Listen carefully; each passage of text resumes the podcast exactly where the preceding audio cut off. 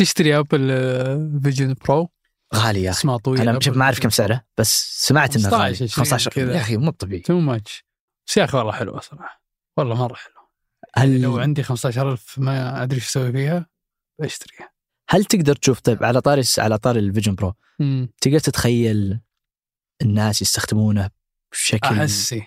أحسي بعد خمس سنوات ست سنوات مثل إي- الآيفون معقولة؟ إي وما فيها أي مشكلة. يعني أنا أحس عندي مشكلة مع خوف الناس من الديستوبيا. خلاص ابن حلال الحين جت جت. عادي عادي زي الجوال الحين ما ما تستنكره فهمت؟ مم. والناس اللي استخدموها واحس عادي وأحس لو طوروا آه، كيف عيونك تطلع من القزاز وخلوها طبيعية أكثر خلاص. يعني يقلل آه، وطأة الخياس. بس ما ما أحس إن عندي مشكلة احس إني خايف. أحس إني متحمس. أحس إنه إضافة جديدة لكيف تعيش. وإضافة ممتازة أنا أبغاها. بس ما أكيد ما في أحد بيستخدمها إذا ما كانت تضيف له يعني إي لا لا ممتعة والله ومفيدة أحسها مرة مفيدة. هذا أنت بس استخدمته ما بدأت تجربها. بدأت أنا. أحب أسوق للأشياء بس ما أستخدمها.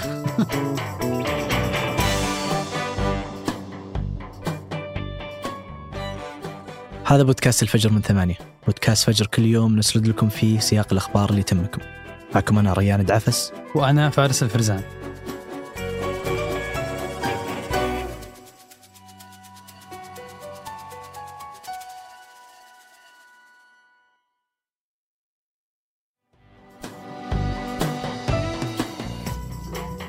في أبريل 2020 وافق مجلس الوزراء السعودي على إعفاء المنشآت الصغيرة اللي يبلغ اجمالي العاملين فيها تسع عمال وأقل بمن فيهم مالكها من دفع المقابل المالي لبعض العاملين وفق اشتراطات محددة لمدة ثلاث سنوات. ثم قرر المجلس في يناير 2023 إنه يمدد القرار لمدة سنة.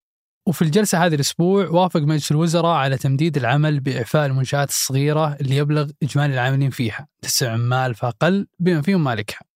من دفع المقابل المالي لمدة ثلاث سنوات إضافية. وقالت وزارة الموارد البشرية والتنمية الاجتماعية أن القرار بيكون بالإعفاء عن اثنين من الوافدين العاملين في المنشأة إذا كان مالكها متفرغ للعمل فيها ومسجل عليها في التأمينات الاجتماعية وأضافت الوزارة إلى أن الإعفاء عن أربعة من الوافدين العاملين في المنشأة إذا كان كذلك مالكها متفرغ للعمل فيها ومسجل على التأمينات الاجتماعية. بالإضافة إذا كان أحد العاملين فيها على الأقل وهو غير المالك سعودي الجنسية. متفرغ للعمل فيها ومسجل كذلك في التأمينات الاجتماعية. على أن يكون الحد الأقصى اللي يمكن الإعفاء عنه هو أربع وافدين فقط. ولو ناخذ نص القرار بمثال سريع يبسط ويشرح الفكرة بنقول أن القرار هذا يشمل المنشآت الصغيرة فقط. حسب الأنظمة السعودية فيتم تعريف المنشآت الصغيرة والمتوسطة بالاعتماد على حجم العمالة لثلاثة أنواع. المنشآت المتناهية الصغر وهي اللي تضم عمالة من واحد إلى خمس عمال. أما المنشآت الصغيرة فهي اللي تضم عمالة من ستة إلى 49 عامل. والمنشآت المتوسطة فهي اللي تضم عمالة من 50 إلى 249 عامل. والقرار اللي صدر يشترط أن المالك سعودي متفرغ ومسجل على الشركة في التأمينات الاجتماعية. تعفى منشأته عن المقابل المالي لاثنين من الوافدين. فمثلا عندك أربع وافدين وأنت المالك الخامس. فتعفى عن اثنين منهم وتدفع عن اثنين الباقيين المقابل المالي.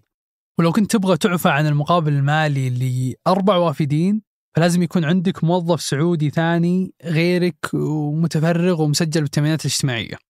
كمثال لو منشأتك الصغيرة فيها سبع موظفين هم أنت كمالك المنشأة وموظف سعودي وخمسة غير سعوديين. كذا بيكون عددكم أقل من تسعة ويشملكم القرار وبكذا أربعة من الوافدين معفى المقابل المالي عنهم والخامس تدفع عنه المقابل المالي. أما إذا تجاوزت منشأتك تسع موظفين فيلزم عليك دفع المقابل المالي عن الجميع.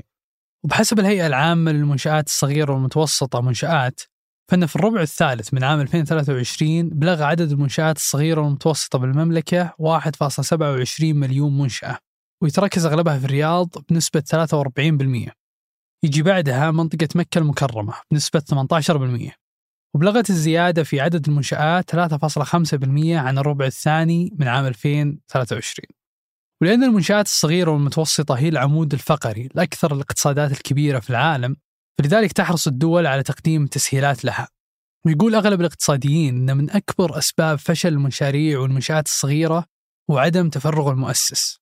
لذلك يشتمل القرار على دعم التفرغ التام لأصحاب المنشآت بالتالي فاشتراط التفرغ للحصول على المقابل المالي يهدف إلى التقليل من خروج الأنشطة التجارية الصغيرة من السوق. كذلك لأن المقابل المالي يشكل نسبة مهمة في التكلفة التشغيلية على المنشآت التجارية خصوصا على المؤسسات الصغيرة.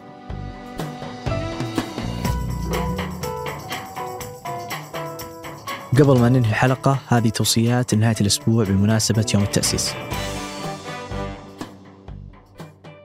على قناة وزارة الثقافة السعودية في يوتيوب ننصحكم بمشاهدة بودكاست يوم التأسيس 1727 تتكلم الحلقة عن الأوضاع العامة اللي كانت تعيشها الدولة قبل تأسيس المملكة العربية السعودية.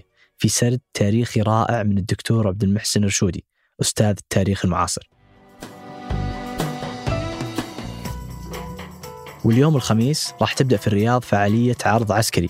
هو عبارة عن ملحمة موسيقية درامية شعرية ورؤية وإنتاج وزارة الداخلية بعنوان الإنسان والأرض.